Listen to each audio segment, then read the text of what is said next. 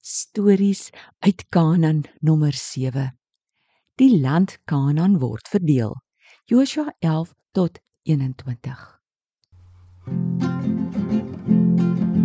Lekker lekker storie tyd. Die Bybel vat ons ver en wyd. 'n Stories van die ou ou tyd God se liefde vanaf daardie tyd. Sy liefde loop deur ons eie tyd tot Jesus kom vir die ewigheid.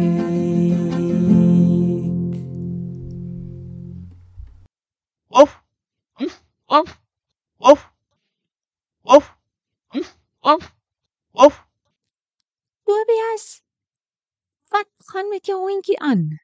Hoekom blaf hy so? Hallo Donnie, hallo Nots. Ek en my hondjie stry oor koekies. Hy wil myne ook hê. Ek het al vir hom gegee. Sis tog, jou hondjie is seker honger. Nee, Donnie. Ek dink hy is net lus.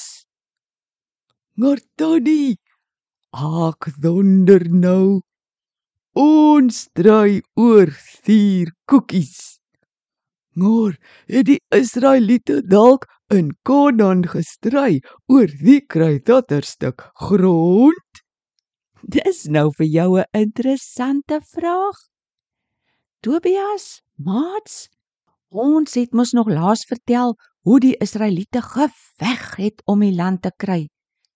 Die land se mense het saamgestaan en die soldate was so baie dat hulle gelyk het soos die sand van die see. Maar die Here het vir Joshua gesê: Moenie bang wees vir hulle nie. Ek gee hulle almal aan julle oor. Waar hulle geveg het, het hulle al die mense uitgeroei. Niemand het met hulle vrede probeer maak nie behalwe Gibeon. Dit is omdat die Here die mense opstandig gemaak het en hulle wou teen Israel veg. Sjoe, Daddy. Maar hulle het seker toe al 'n groot stuk van die land oorwin. Ja, Tobias. Hulle het toe al 31 konings en hulle stede gewen. Joshua was nou al oud. Die Here het vir hom gesê dis tyd om die land te begin verdeel. 2 en 'n halwe stam van die 12 het al grond gekry oos van die Jordaanrivier, maar die ander stamme nog nie. Eintlik was daar nog baie Kanaaniete in die land. Israel moes hulle nog wen. Tog het die Here gesê Joshua en die priester Eleazar moes die grond begin verdeel. Dan moes hulle agterna gaan veg teen daai stede om dit te kry. Maar hoe het Joshua en Eleazar geweet hoe om die grond uit te deel? Danny, dit was grond, nie koekies nie. Julle, dit het so gebeur. Die volk het al grond gehad tot by die stad Silo.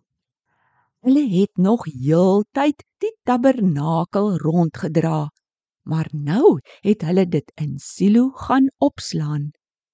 Joshua het vir die volk gesê: Hoe lank gaan julle nog wag voor julle die hele land in besit neem? God het dit al aan Abraham, Isak en Jakob beloof. Julle moet dit nou gaan inneem. Luister na hierdie plan. Kies nou 3 manne uit elke stam. Hulle moet dan deur die res van die land gaan. Gaan kyk na elke stad. Kyk hoe alles lyk en skryf dit mooi in 'n boek op. Dat moes hulle dan net die doek naak. Hulle moes die boek terugbring vir Joshua in Silo. Hy het gesê: Ek sal hier in Silo voor die Here die loting doen oor watter stam kry watter grond. Wat? dit teken dit die Here sou duis. Die stan kry grond by die see, daai stan kry grond by die berge. Hierdie stan kry grond tussen daai twee stanne. Net so Tobias. Noordas, wonderlik fantasties. Niks gesdraaiery nie. Die Here duis, wie kry dit? Tobias, ons het 'n magnifieke God. Magnifiek. Dis 'n lekker woord. Dit beteken God is groot, daai nooi en is 'n koning. Presies.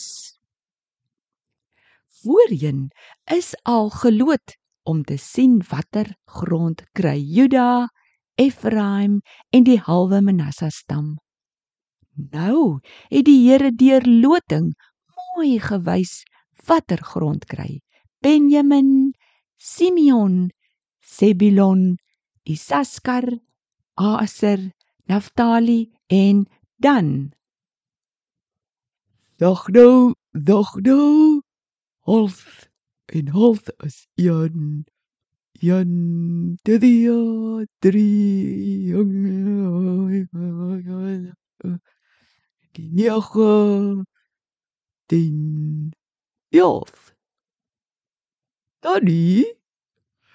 Manasse en Ephraim das nos Josef se seuns. So sang dat hulle een staan. Dan het dan die iewers 'n stam uitgelos. Ek tel net 11. Tobias, lyk my jy kan tel. Mooi man. Ja, jy is heeltemal reg. Die stam Levi het nie grondgebied gekry saam met die ander stamme nie. Hulle het mos die priesterwerk vir die Here gedoen in die tabernakel. Wanneer dit 'n Lewiet se tyd was om in die tabernakel te werk, het hy kos gekry uit die tabernakel. Maar daar het hulle dan gebly. Joshua en Eleazar het ook vir die Here gevra om te wys watter stede vir die Lewiete gegee moes word. Die stede sou gekies word uit die ander stamme se grond. Hulle het op die ou end 48 stede met weiveld rondom gekry. Och, en 40 stede. Hoe akas bly? Tobias, daar was ook nog die asielstede wat aangewys moes word. Wat was asielstede nou die jaar? Dit was ses stede waarheen die Israeliete kon vlug as hulle dalk per ongeluk iemand doodgemaak het. Die stad sou hulle dan beskerm dat die familie van die een wat dood is, hulle nie kon doodmaak nie. Die mens kon dan weer na sy eie stad terugkeer na die hoofpriester oorlede is. Sjoe. Dit was dan vir jou 'n groot werk. Al die gevegte en verdelings. Julle in die boek Josua staan geskryf dat God hulle gehelp het en al die goeie beloftes wat hy aan Israel gemaak het, het hy vir hulle gegee. Maar ons God is nos Nonja Nonjasik Tobias, nou dat jy jou antwoord het oor hoe God dinge kan verdeel, moet ons seker groet. Maats, volgende keer vertel ons van Joshua se laaste tydjie. Mooi week en wees bly oor ons magnifieke God. Totsiens. thank you